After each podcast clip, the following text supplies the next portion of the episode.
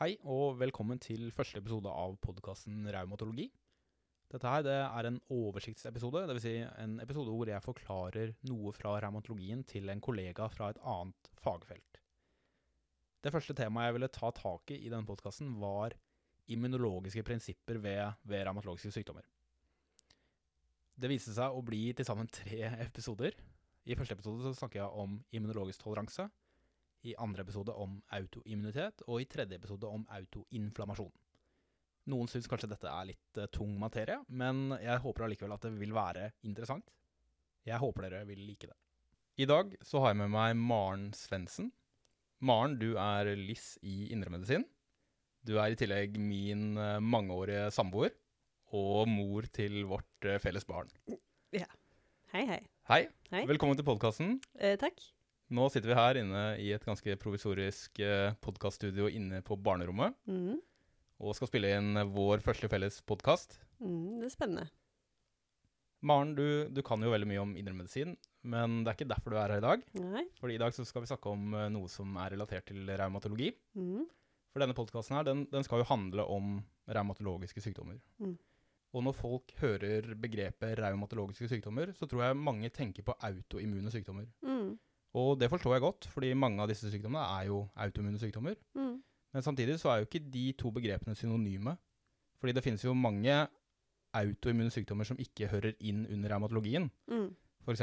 Graves, Myostena gravis, MS, type 1, diabetes osv. Mm.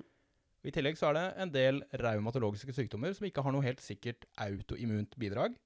F.eks. urinsyregikt. Ja. Så jeg tenker at det er mer fornuftig å si at reumatologiske sykdommer de, det er sykdommer som skyldes en manglende regulering av immunsystemet, som gjør at immunsystemet aktiveres uten at det er grunn for det. Okay. Mm. Og at den uhensiktsmessige immunaktiveringen fører til symptomer og, og funn som vi definerer som sykdom. Mm.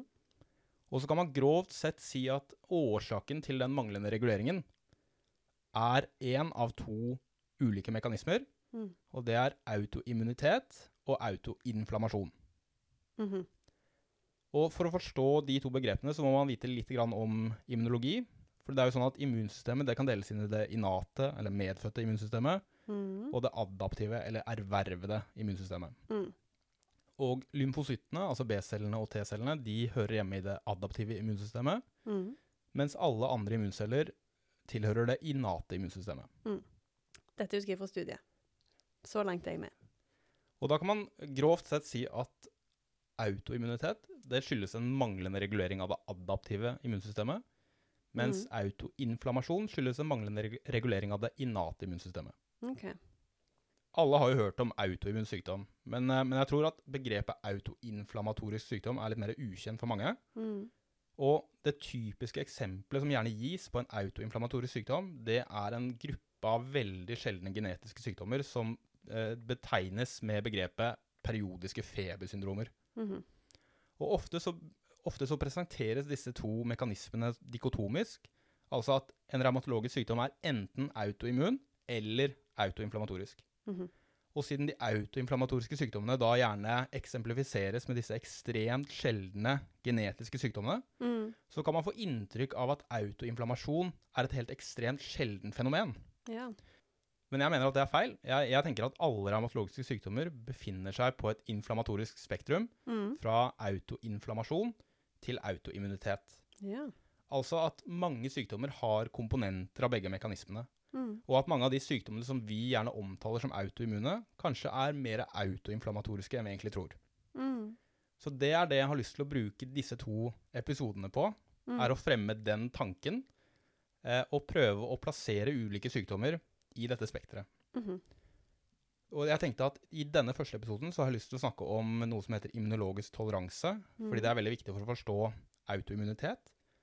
Og så i neste episode vil jeg snakke om forskjellen på autoimmunitet og autoinflammasjon, og da komme tilbake til noen eksempler på revmatologiske sykdommer, og at vi prøver å plassere dem i dette spekteret. Mhm. Eh, Alle immunceller, både i det innate og det adaptive immunsystemet, de, de uttrykker reseptorer som de kan bruke til å gjenkjenne patogener og farer med. Mm. Cellene i det innate immunsystemet de uttrykker mønstergjenkjenningsreseptorer som kan gjenkjenne pamper og damper. Mm. Pamper pathogen associated molecular patterns. Mm. Det er ting som finnes på patogener, men som ikke finnes på kroppens egne celler. mm. F.eks. lipopolisakarid. Mm. Damper, damage eller danger associated molecular patterns. De fleste av disse det er ting som vanligvis kun finnes inni cellene våre. Mm. Men de kan slippes ut ekstracellulært og aktivere det innate immunsystemet hvis cellen gjennomgår nekrose eller annen form for patologisk celledød. Mm. Disse mønstergjenkjenningsreseptorene de har blitt utviklet gjennom millioner av år med evolusjon til å gjenkjenne helt kritiske pamper og damper. Mm. Og hver reseptor kan gjenkjenne mange forskjellige pamper Mhm. og mange forskjellige damper. Mm. Cellene i det adaptive immunsystemet de uttrykker lymfocyttreseptorer. De heter henholdsvis B-cellereseptorer og T-cellereseptorer. Mm. Og lymfocyttreseptorene de gjenkjenner antigen. Mm. Og antigen det er egentlig definert som en ting som kan gjenkjennes av en lymfocyttreseptor. Så det kan egentlig være hva som helst. Men når vi bruker ordet antigen, så mener vi jo vanligvis en del av et patogen. Mm. Og det kan være hvilken del av patogenet som helst. Så det kan være en pamp, altså noe som også gjenkjennes av det innate immunsystemet, men det Mm. trenger ikke å være det. Ok. Og siden antigen kan være hva som helst, så betyr det at dine egne celler uttrykker også strukturer som potensielt kan gjenkjennes av lymfocyttreseptorer, og det er det som Mhm. kalles autoantigener. Mm. Og vanligvis så er det sånn at lymfocyttene kun gjenkjenner og angriper antigen fra patogener, Mm. men ikke autoantigener fra dine egne celler. Mm. Og det fenomenet der, det er det som kalles immunologisk toleranse. Mm. Det er viktig å være klar over at én celle i det innate immunsystemet uttrykker veldig mange forskjellige sånne mønstergjenkjenningsreseptorer. Og hver reseptor kan gjenkjenne mange forskjellige pamper. Mm. Og det betyr at én celle kan gjenkjenne veldig, veldig, veldig mange forskjellige patogener. Mm. De eh, reseptorene har kommet til gjennom millioner av år med evolusjon, og det er ikke vits å finne opp kruttet på nytt, så hver celle i det innate immunsystemet uttrykker sånn mer eller mindre de samme reseptorene, og gjenkjenner mer eller mindre de samme patogenene. Mm. For cellene i det adaptive immunforsvaret så er det annerledes. For det er sånn at selv om én lymfocytt, altså en B-celle og en T-celle, uttrykker tusenvis av lymfocyttreseptorer, så er det sånn at for én enkelt celle så vil absolutt alle de reseptorene være helt identiske og gjenkjenne det samme antigenet. Mhm. Og det kan man forenkle til å si at de gjenkjenner det samme patogenet. Mm. Så én celle i det adaptive immunforsvaret gjenkjenner kun ett patogen. Mhm. Og det betyr at du trenger jo ekstremt mange forskjellige T-celler og ekstremt mange forskjellige B-celler for at de til sammen skal kunne gjenkjenne alle tenkelige patogener. Mm. Så hvis vi tar et hypotetisk eksempel om at du trenger å beskytte deg mot én million forskjellige patogener, jo da trenger du én million forskjellige B-celler og én million forskjellige T-celler. Mm. Det her har betydning for hvordan de reseptorene produseres. Fordi Mhm. jeg sa jo at én celle i det innate immunforsvaret har mange forskjellige mønstre i gjenkjenningsreseptorer. Men det er ikke så utrolig mange av dem. Jeg vet ikke hvor mange det er, men la oss si at det finnes 50 forskjellige sånne reseptorer. Mm. Og det finnes ett gen for hver reseptor. Men nå er du på det in- innate. Ja. Ja. Mm. Men har det òg med toleranse å gjøre? Nei. Nei. Så toleranse, det har med det, det adaptive adaptive. immunforsvaret å gjøre. Mm. Så for cellene i det innate immunforsvaret, altså, Mm. rundt 50 gener som koder for rundt 50 reseptorer. Mm. For cellene i det adaptive immunforsvaret så er det annerledes, fordi da sa vi at du trengte så utrolig mange forskjellige, ikke sant? Mm. I vårt eksempel så sa vi at du trengte 1 million forskjellige B-celler, 1 million forskjellige T-celler. Mm. Da må du kunne produsere 1 million forskjellige B-cellereseptorer, 1 million forskjellige T-cellereseptorer. Mm. Men det finnes jo bare 20 eller 25 000 gener i DNA, Mm. så det kan ikke være ett gen for hver av de reseptorene. Nei. Så du må kunne produsere veldig mange reseptorer fra et lite antall gener. Mm. Og jeg skal ikke gå så veldig i dybden på hvordan det gjøres, men sånn kort fortalt så eh, produseres en sånn lymfocytreseptor ved å koble sammen ulike små genbiter som Mm. kalles gensegmenter. Mm. Og det finnes mange, mange sånne gensegmenter, og det er kombinasjonen av de som avgjør hva reseptoren vil gjenkjenne. Mm. Så da kan du kombinere disse ulike gensegmentene på forskjellig vis, og så produsere veldig mange reseptorer fra et lite antall gener. Mm.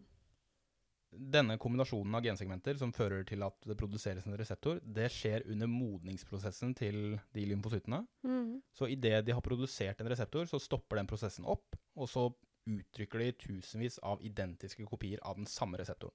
Mm. Kombinasjonen av gensegmenter er helt tilfeldig, Mm. så det betyr at cellen vet egentlig ikke hva reseptoren gjenkjenner. Ne. Og det er egentlig bra, fordi tilfeldig kombinasjon og tilfeldig reseptorproduksjon gjør at du kan produsere lymfocytter med reseptorer som kan gjenkjenne hva som helst. Mm. inkludert da alle tenkelige fremtidige patogener som menneskeheten ennå ikke har møtt engang. Mm. Men ulempen er at det vel så gjerne kan produseres reseptorer som gjenkjenner autoantigener, Mm. altså såkalte autoreaktive lymfocytter. Mm. Og det skjer hele tiden, Mm. så alle mennesker produserer hele tiden autoreaktive lymfocytter. Mm. Og hvis de blir aktivert, så kan det føre til autoimmun sykdom, med alle de plagene som vi vet at det kan føre til. Mhm. Så immunsystemet er avhengig av å ha mekanismer som forhindrer aktivering av disse autoreaktive lymfocyttene, Mm. og det er det som kalles immunologiske toleransemekanismer. Mm. For å forstå immunologisk toleranse så må vi vite litt grann om livsløpet til disse lymfocyttene. Mm. B-celler de modnes i benmargen, og T-celler modnes i thymus. Mm. Og modning det betyr at de starter å uttrykke disse lymfocyttreseptorene. Mm. Og etter modning så eh, entrer de blodet, og så sirkulerer de rundt i kroppen på jakt etter antigen. Mhm.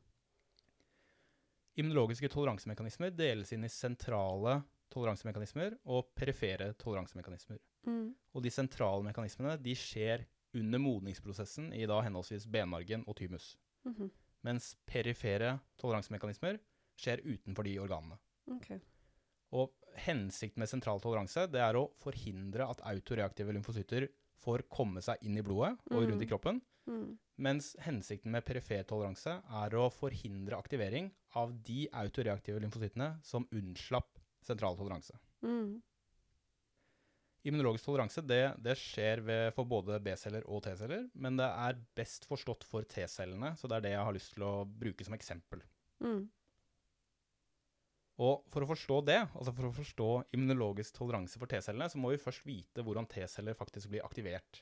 Mm. Eh, og for det første så er det sånn at T-celler de kan, kan kun aktiveres av dendritiske celler, altså noen eh, type celler i det innate immunforsvaret. Mm. Og T-cellene gjenkjenner kun antigen hvis den dendritiske cellen presenterer antigenet på proteiner som kalles MHC. Mm. Og MHC-proteiner de kodes av gener som heter HLA. Mm. Det finnes flere typer av HLA-gener. Vi kaller dem HLA-A, HLA-B, HLA-C, HLA-DP, HLA-DQ og HLA-DR. Mm. Og du arver seks HLA-gener fra moren din og seks fra faren din. Og hvert gen koder for ett MHC-protein som kan presentere tusenvis av ulike antigener. Mm. Det finnes veldig mange forskjellige varianter eller alleler av hvert av disse HLA-genene. Mm. Som f.eks. HLA-B2, HLA-B9, HLA-B27. Det er alle varianter av HLA-B-genet. Og ulike alleler, altså ulike genvarianter, koder for MHC-proteiner som presenterer litt forskjellige antigener. Mm. Siden det er så utrolig mange forskjellige HLA-alleler, så betyr det at vi to har sannsynligvis helt forskjellige HLA-gener. Mhm. Det betyr at vi har litt forskjellige MHC-proteiner som presenterer litt forskjellige antigener. Mm. Og årsaken til at det finnes så utrolig mange varianter av disse genene, det har trolig en evolusjon, evolusjonsbiologisk forklaring. Fordi jeg sa jo at T-cellene de gjenkjenner kun antigen hvis antigen er presentert på MHC. Mm. Og det betyr jo i praksis at det er MHC-molekylene som avgjør hva T-cellene kan reagere mot. Mm. Så hvis alle menneskene hadde hatt akkurat de samme HLA-genene, så hadde de hatt akkurat de samme MHC-proteinene, og de hadde presentert akkurat de samme antigenene. Mm. Så hvis du da ser for deg et virus som hadde klart å mutere på en måte som gjorde at det unngikk presentasjonen på MHC, Mm. så hadde det viruset kunnet unnsluppet all T-celleimmunitet hos alle mennesker. Mm. Og det viruset kunne jo utslettet menneskeheten. Mm. Så ved å ha ekstremt mange varianter, varianter av HLA-alleler, Mm. så gjør vi det mindre sannsynlig at et patogen skal klare å mutere på en måte som gjør at det unngår presentasjon på alle MOC-proteiner. Mm. Så det, sannsynligheten vil da være at det er noen mennesker som effektivt klarer å presentere antigenet til det aktuelle patogenet. Mm. Så ved å ha veldig mange HLA-alleler, så er menneskeheten som helhet bedre beskyttet mot å bli utryddet. Mm. Hvilke HLA-alleler som er vanligst i et område, det varierer rundt omkring i verden. Fordi det er jo sånn at de HLA-allelene som koder for MHC-proteiner, som effektivt presenterer antigen eh, fra de patogenene som er vi- vi- viktige eller vanlige i det geografiske området, Mm. de blir jo selektert frem gjennom sånn evolusjonært press Mm. og en evolusjonær prosess. Så det betyr at noen HLA-alleler er veldig vanlige i Nord-Europa, mens det er kanskje noen andre HLA-alleler som er vanligere i Sørøst-Asia eller i, eh, i midten av Afrika. Mm. Og jeg skal komme tilbake til disse HLA-allelene i neste episode, når vi snakker om autoimmunitet og hvorfor det er viktig. Mm. Ok, Det siste jeg vil si om aktivering av T-celler, det er at aktivering av T-celler krever to signaler. Mm. Det første signalet er jo da at T-cellen med sin T-cellereseptor gjenkjenner et antigen som er presentert på MHC. Det er det Mm. første signalet. Mm. Det andre signalet det skjer mellom et protein på overflaten av den drittiske cellen, som heter Mm. CD8086, som binder til et protein som heter CD28 på T-cellen. Mm. Og det er ikke så viktig å vite hva de heter, men det er bare viktig å forstå at det, er- det kreves et annet signal, et, eh, signal nummer to. Mm. Og, altså Det andre signalet det er absolutt nødvendig for at T-cellen skal bli aktivert. Mm. I revmatologien så har vi et medikament som heter Abatacept, og mm. Abatacept blokkerer dette andre signalet. Mm. Så, så det, det forhindrer aktivering av T-cellene ved å blokkere det nødvendige andre signalet. Mm. Ok, Så da vet vi litt om hvordan T-cellene blir aktivert, og, og da kan vi snakke om immunologisk toleranse. Mm. Og jeg vil begynne med sentral toleranse for T-cellene, altså det som skjer mens T-cellene modnes i thymus. Mm. Premisset for sentral toleranse for T-celler det er to ting. Det ene er jo at de skal kun gjenkjenne antigen som er presentert på MHC. Mm. Og det andre premisset er at de skal gjenkjenne antigen, altså noe fra patogener, men ikke autoantigener Nei. fra våre egne celler. Og så er det sånn at før T-cellene får forlate thymus og starte å eh, reise rundt i kroppen på jakt etter antigen, så må de opp til en eksamen. Mm. Og den eksamen, det er sentral toleranse. Mhm. Og eksamen består av to spørsmål som T-cellen må bruke sin T-cellereseptor til å besvare. Okay. Og eksamenssensorene, altså de som stiller spørsmålene, det er dendritiske celler og andre antigenpresenterende celler i thymus. Okay. Det første spørsmålet som T-cellene blir stilt under eksamen, det er gjenkjenner du MHC? Mm. Jeg sa jo at T-cellene de skal kun gjenkjenne antigen presentert på MHC, og det betyr jo at Mm. de må kunne gjenkjenne MHC. Mm. Fordi hvis mm. de ikke gjenkjenner MHC, så vet de ikke hvor de skal lete etter antigen. Nei. Og de cellene de vil aldri kunne finne et antigen, og de vil aldri kunne bli aktivert. Nei. Så de er helt ubrukelige, mm. og de blir tvunget til å gjennomgå apoptose. Oi. Heftig. Mm. Mens cellene som gjenkjenner MHC, de, får, de består første spørsmål, og de Mm. får gå videre i eksamen. Mhm. Og spørsmål én, altså gjenkjenner du MHC, det kalles positiv seleksjon, Mm. fordi det er de cellene som svarer ja, altså positivt, som får overleve. Mm. Neste spørsmål i eksamen, det er De kan jo bare si ja, da, og så går de videre. Hva skjer da? mm, De kan ikke lure eksamenssensorene, fordi, kan ikke? nei, det, Kanskje jukse? fordi hvis de ikke får signalet fra Hvis ikke det oppstår et signal i T-cellesektoren, Mm. altså ved at det har bundet MHC, Så de gir deg en MHC, og så sier de 'bind til denne'? Ja. ja. og måten de de- svarer ja på, er ved å binde MHC, og da får Ah. eh, cellene et overlevelsessignal. Så de kan ikke jukse. De kan ikke jukse. Spørsmål to på eksamen, Mm. altså de som har bestått spørsmål én, Mm. får da spørsmål to, som er gjenkjenner du autoantigen? Mm. Så nå presenterer disse dendritiske cellene og andre antigenpresenterende celler autoantigen på MOC. Mm. Og hvis cellen svarer ja på det, så er jo det en autoreaktiv T-celle, Ja. og en potensielt farlig T-celle. ja. Så de cellene blir nå tvunget til å gjennomgå apoptose. Mm. Hvis cellen Kjedelig. svarer nei, Ja. så betyr det jo at én, den cellen har jo bestått spørsmål én, så den vet hvor den skal lete etter antigen. Mm. Men to, den gjenkjenner ikke autoantigenet. Nei. Og det er jo sånne celler du ønsker. Noen celler som kan finne antigen, men Mm. gjenkjenner ikke autoantigen. Og de cellene de består eksamen og Mm. får lov til å forlate thymus og får lov å reise rundt i kroppen på jakt etter antigen. Spørsmål to, altså gjenkjenner du autoantigen? Det kalles negativ seleksjon, fordi Mm. det er de cellene som svarer nei, altså negativt, Mm. som får overleve. Mm.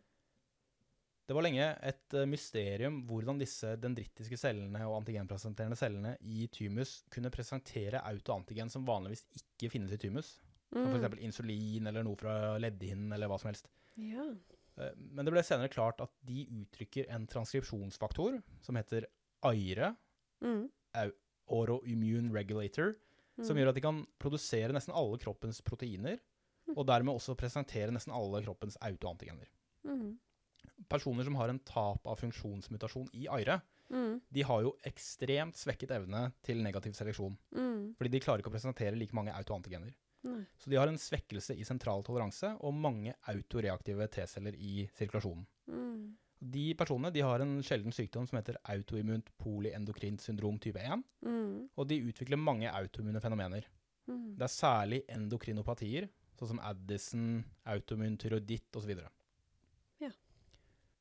Så hvis vi skal oppsummere sentral toleranse for T-cellene, så kan vi si at sentral toleranse for T-celler fjerner ubrukelige T-celler gjennom positiv seleksjon, Mm. og farlige T-celler gjennom negativ seleksjon.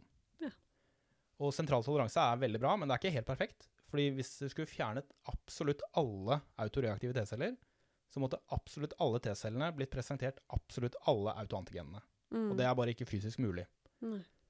Så det vil alltid være noen autoreaktive T-celler som unnslipper sentral toleranse, fordi det autoantigenet som de gjenkjenner, tilfeldigvis ikke ble presentert på akkurat det, det tidspunktet hvor de hadde eksamen. Mm. Og det betyr at alle mennesker har autoreaktive T-celler i kroppen sin som sirkulerer rundt. Mm. Og det er grunnen til at du trenger også disse perifere toleransemekanismene, som Mm. fungerer utenfor thymus og utenfor benmargen. Mm.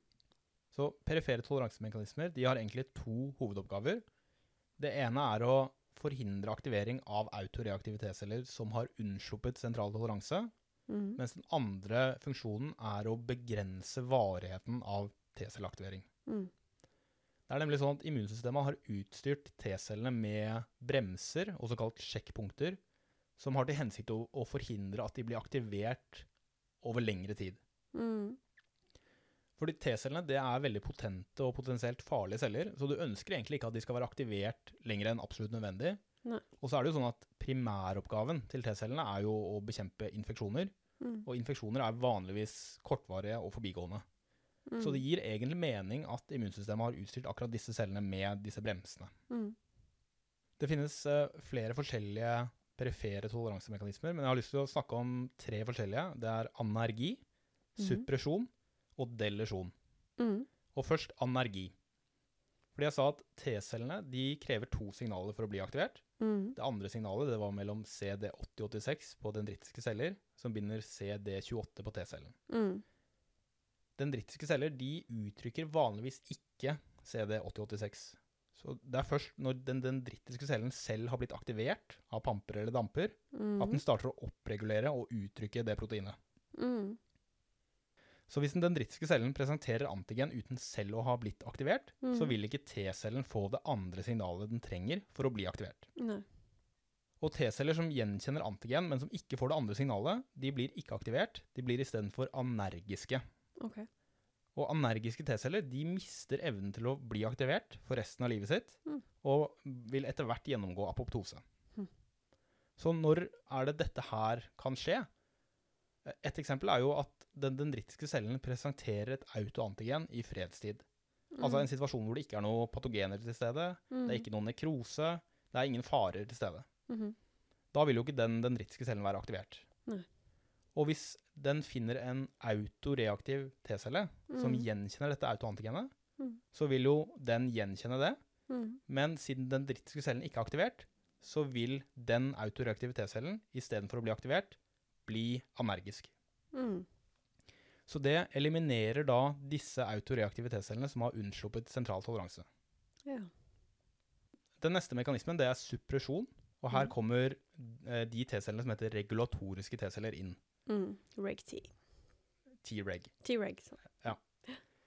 Det finnes jo, som du husker, så finnes det tre typer T-celler. Det er T-hjelpeceller, Mm. cytotoksiske T-celler Mm. og regulatoriske T-celler. Mm. Og så kan man si at T-hjelpeceller og cytotoksiske T-celler det er jo celler som aktivt bidrar i bekjempelsen av infeksjoner. Mm. Så det er, det er på en måte proinflamatoriske celler. Mm. De stimulerer og oppjusterer immunresponsen. Mm. Mens regulatoriske T-celler er helt annerledes, fordi det er antiinflamatoriske celler som Mm. nedregulerer og demper immunresponsen. Det er litt sånn administrative roller, eller? Eh, jeg vet ikke. Har du det? Kanskje det. Det er litt sånn, ja. Ja. Ordne og styre og bremse litt da. Ordne og styre og bremser litt. Det Ja. er, det er egentlig det de gjør, ja. Ja. Helt riktig. mm. Og måten de eh, gjør Måten de er antiinflamatoriske på, det er ved å produsere antiinflamatoriske cytokiner, Mm. og ved å uttrykke på overflaten et protein som heter CTLA4. Mm. Og CTLA4 det kan blokkere dette andre signalet i T-celleaktivering. Så det kan dermed blokkere aktivering av de proinflamatoriske T-cellene, nemlig T-hjelpeceller og cytotoksiske T-celler. Litt sånn som abatasept. Helt riktig. Mm. Så abatasept er faktisk C til A4. En T-reg. Det, ja, det, det etterligner noen av funksjonene til en regulatorisk T-celle. Ja. Se, følger med. Det er veldig bra. Mm. Ok, det finnes to typer av regulatoriske T-celler. Mm. Induserbare regulatoriske T-celler og naturlige regulatoriske T-celler. Mm. Og begge er antiinflammatoriske celler, og begge bruker de samme mekanismene på å være antiinflammatoriske. Mm. Altså produsere antiinflammatoriske cytokiner og uttrykke CTLA4. Så jeg vil starte med å snakke litt om disse induserbare regulatoriske T-cellene. Mm. Fordi de utgår fra T-hjelpeceller. Mm. Fordi når en, hvis en T-hjelpecelle får begge signalene den trenger for å bli aktivert, Mm. så vil utfallet av aktiveringen avhenge av cytokinmiljøet der den ble aktivert. Mm. Hvis det pågår en infeksjon, så vil aktiverte innate immunceller produsere proinflammatoriske cytokiner. Mm.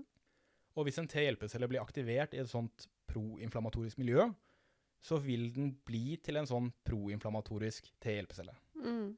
Men hvis T-hjelpecellen blir aktivert uten at det er proinflammatoriske cytokiner til stede, så blir den ikke til en sånn T-hjelpecelle. Den blir istedenfor til en induserbar regulatorisk T-celle, Mm. som nedregulerer immunresponsen. Mm. Og i hvilken situasjon er det det vil skje, da? Eh, Jeg tror at det beste eksempelet er i møte med mikrobiota, altså tarmfloraen. Fordi i tarmen så finnes det jo milliarder av bakterier. Mm. Og de bakteriene, de er bakterier som trives i kroppen, og som kroppen trives med. Mm. Så de gir oss ikke infeksjoner. Nei. Men de er jo bakterier og andre mikrober, så de har jo pamper.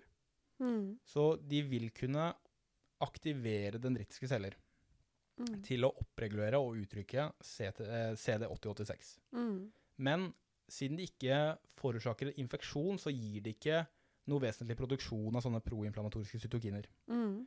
Så la oss nå se for oss en dendritisk celle som møter en sånn mikrobe fra mikrobiota. Mm. Så eh, vil eh, pampene binde mønstergjenkjenningsreseptoren. Den dendritiske cellen vil starte å uttrykke CD8086, og så Mhm. vil den ta opp eh, patogenet og vise fram antigenet på MHC. Mm. Hvis den nå møter en T-hjelpecelle som gjenkjenner det antigenet, så vil den T-hjelpecellen få begge signalene den trenger for å bli aktivert. Mm. Så den blir jo ikke anergisk, den blir jo aktivert. Mm. Men siden det ikke er noe proinflamatoriske cytokiner til stede i Mm. det området hvor den blir aktivert, så vil den T-cellen skjønne at det som jeg nå gjenkjenner, er egentlig ikke farlig. Det er ikke en trussel. Nei. Og da blir den istedenfor til en induserbar regulatorisk T-celle som produserer antiinflamatoriske cytokiner og forhindrer at det startes en immunrespons mot denne mikroben. Mm. Og det fremmer jo da at kroppen tolererer disse mikrobene i, i tarmfloraen. Mm. De naturlige regulatoriske T-cellene de er litt annerledes. Mm. Fordi jeg sa jo det at T-celler som gjenkjenner autoantigen i thymus, Mm. de vil bli tvunget til å gjennomgå apoptose gjennom negativ seleksjon. Mm. Og det er sant i nesten alle tilfeller. Mhm. Men det er, det er noen unntak. Okay. Så noen av disse cellene de har et annet utfall enn apoptose. Mhm. For de blir isteden differensiert til naturlige regulatoriske T-celler i thymus. De får en, en sjanse til. De får på en måte en sjanse til. Mm. Så uh, thymus skjønner ok, denne cellen her, den gjenkjenner autoantigen, så den Mm. er autoreaktiv. Mm. Jeg vil ikke at den skal gå ut i kroppen og starte en immunrespons mot dette autoantigenet. Nei. Men jeg kan utnytte det faktum at den er autoreaktiv, ved å utstyre den med utelukkende antiinflammatoriske egenskaper. Mm. Så hvis den autoreaktive, naturlige regulatoriske T-cellen møter det samme autoantigenet i kroppen, Mm. så vil den bli aktivert, men utfallet av aktiveringen vil alltid være antiinflammatorisk. Mm. Og da kan den cellen der forhindre aktivering av andre autoreaktive T-hjelpeceller og cytotoksiske T-celler Mm. som har unnsluppet sentral toleranse og gjenkjenner det samme autoantigenet. Ja. Gir det mening? Mm. Alle regulatoriske T-celler, både de induserbare og de naturlige, de har en transkripsjonsfaktor som heter FOX-P3. Det er ikke så viktig hva den heter, men den transkripsjonsfaktoren er helt avgjørende for at de skal kunne fungere på den måten de skal. Mm. Og noen personer har en mutasjon i FOX-P3 som Mm. gjør at de da ikke har noen funksjonelle regula regulatoriske T-celler. Ja. Og de har en sjelden sykdom som heter IPEX-syndrom, Mm. Som står for eh, immun dysregulering, polyendokrinopati, entropati, eksbundet, tror jeg. Eh, og de har jo da en veldig svekket perifer toleranse og mange autoimmune fenomener. Ja. Så autoimmunt polyendokrint syndrom type 1, som var en mutasjon i Aire, de har veldig svekket sentraltoleranse. mm. Mens de med IPEX, som har en mutasjon i FOX-P3 og mangler regulatoriske T-celler, de har en veldig svekket perifer toleranse. mm. Og siden ingen av disse mekanismene, verken sentral eller perifer toleranse, er helt perfekte, så er du avhengig av at begge to fungerer. Mm. Så uavhengig av om bruddet er i sentral eller perifer, så vil du ha en veldig eh, predisponering for autoimmunitet. Ja. Som da vises i disse to veldig sjeldne genetiske sykdommene. Mm. Um, den siste mekanismen, det er delesjon. Mm. Og delesjon det er særlig viktig for å forhindre at T-cellene blir aktivert over lengre tid. Mm. Fordi etter at en T-hjelpecelle eller en cytotoksisk T-celle blir aktivert, så starter de også å uttrykke CTLA4. Altså det samme proteinet som finnes på regulatoriske T-celler. Mm. Og aktiverte T-hjelpeceller og cytotoksiske T-celler de krever gjentatt interaksjon med dendritiske celler for å forbli aktivert. Mhm. Og etter hvert som de starter å uttrykke CTLA4, etter Mhm. hvert som de har vært aktivert en stund, så vil det proteinet binde til proteiner på den dendritiske cellen, Mm. og det resulterer i at T-cellen blir deaktivert. Ja. Dør de da òg? Ja, da, Ja. da gjennomgår de apoptose. Kjipt liv, altså. Mhm. Mm. Så Så piken er på, piken er på liksom kampen? Når Ja. de, de første Da dagene av uh, etteraktivering, da- da piker de. da piker de. Så da kan man si at CTLA4 har to funksjoner. Mm. Så CTLA4 finnes alltid på regulatoriske T-celler, Mm. og da er funksjonen å blokkere det andre signalet i, som trengs for å aktivere T-hjelpeceller og cytotoksiske T-celler. Mm. CTLA4 uttrykkes også på aktiverte T-hjelpeceller og cytotoksiske T-celler, Mm. og da er funksjonen å begrense varigheten av deres aktivering. Mm. Den siste funksjonen der, det kalles et immunologisk sjekkpunkt, Mm. altså noe som begrenser varigheten av T-celleaktivering. Og det finnes andre sjekkpunkter som har litt samme funksjon. En av dem er PD1, står for Program Death 1. Eh, fordi aktiverte T-hjelpeceller og cytotoksiske T-celler de starter å uttrykke både CTLA4 og PD1. Og PD1 kan binde til PDL1, Program Death Ligand 1, som, som finnes på mange Er det av det det står for? Ja. Visste jeg ikke. som, eh, som finnes på mange av, av kroppens celler. Da. Hmm. Og det begrenser varigheten av aktiveringen, og forhindrer også angrep på egne celler. Mm. Og disse immunologiske sjekkpunktene de er jo i utgangspunktet veldig gunstige, fordi det begrenser hvor mye skade en T-celle kan gjøre. Mm. Men i noen situasjoner så er det uheldig at de deaktiveres på den måten her. Mm. Og det, det vanligste eksempelet er jo da ved kreftsykdom. Mm. Fordi det finnes eh, celler i immunsystemet som kan drepe kreftceller, da Mm. særlig disse cytotoksiske T-cellene. Mm. Men problemet er at de cytotoksiske T-cellene som gjenkjenner kreftcellene, altså sånne tumorspesifikke cytotoksiske T-celler, Mm. de blir jo også deaktivert av de samme sjekkpunktene etter hvert. Mm.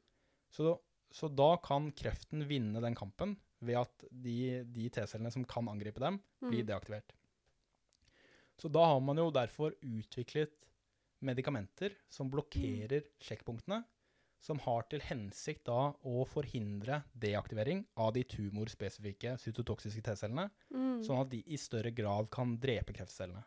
Det er sånn som de overlegene som bare jobber og jobber og jobber til de er over 70. De bare jobber på, for de får ingen bremser. Er det lov, er det lov å si? Jeg tror ikke det er lov å si. jo, Nei. det er jo bra. Det er jo bra at de jobber. Ja, sånn, Det er jo ja. de som ja. kan mest av alt. Det er sant. Og jobber, bare jobber på. Det er sant. Ingen bremser. Mm. Ingen pensjon, liksom. Ingen, uh, ingen pensjon. Så sjekkpunkten er jo på en måte nå, nå, blir, det sånn, åh, nå blir vi gammel. Nå Ja. blir det pensjonsalder. Ja, ja det er jo egentlig så, men så får de bare jobbe på. Ja, så, så ser man at denne legen her kan Ja. jo ikke pensjoneres, fordi Nei. det er jo den legen Han som kan kan gjøre akkurat den jobben her. Han kan vinne over Eh, kreften. Nettopp. Så, Oi. ikke sant? Ja. Jeg kjenner noen sånne. Problemet, det er jo det at du fjerner jo ikke sjekkpunktet til kun de tumorspesifikke cytotoksiske T-cellene. Du fjerner sjekkpunktet til alle. Alle de der cowboy-listlegene som har gunner på. Ja. De òg. Ja. Det er jo ikke bra. Og eh, siden vi sa at sentral toleranse ikke er perfekt, Mm. så er du jo avhengig av å ha gode perifere toleransemekanismer. Mm. Og det disse medisinene gjør, er jo i praksis å fjerne en, en veldig viktig perifer toleransemekanisme. Mm. Og derfor så er det enkelt å forstå at autoimmune fenomener er en veldig viktig og vanlig bivirkning av sånn behandling. Mm. Nå tror jeg forhåpentligvis at vi har snakket oss gjennom de viktigste aspektene av immunologisk toleranse. Og som mm. sagt så tror jeg at det vil være et viktig grunnlag når vi skal snakke om autoimmunitet, og forskjellen på autoimmunitet og autoinflammasjon i neste episode. Mm. Så da kommer vi tilbake til litt av disse samme prinsippene da. Det blir spennende. Så da håper jeg at du er med da, da også i neste episode. Jeg inviterer deg inn på barnerommet for en ny podkastepisode om et par dager. Har jeg noe valg? Du har ikke noe valg. OK, snakkes. Takk for nå. Ha det.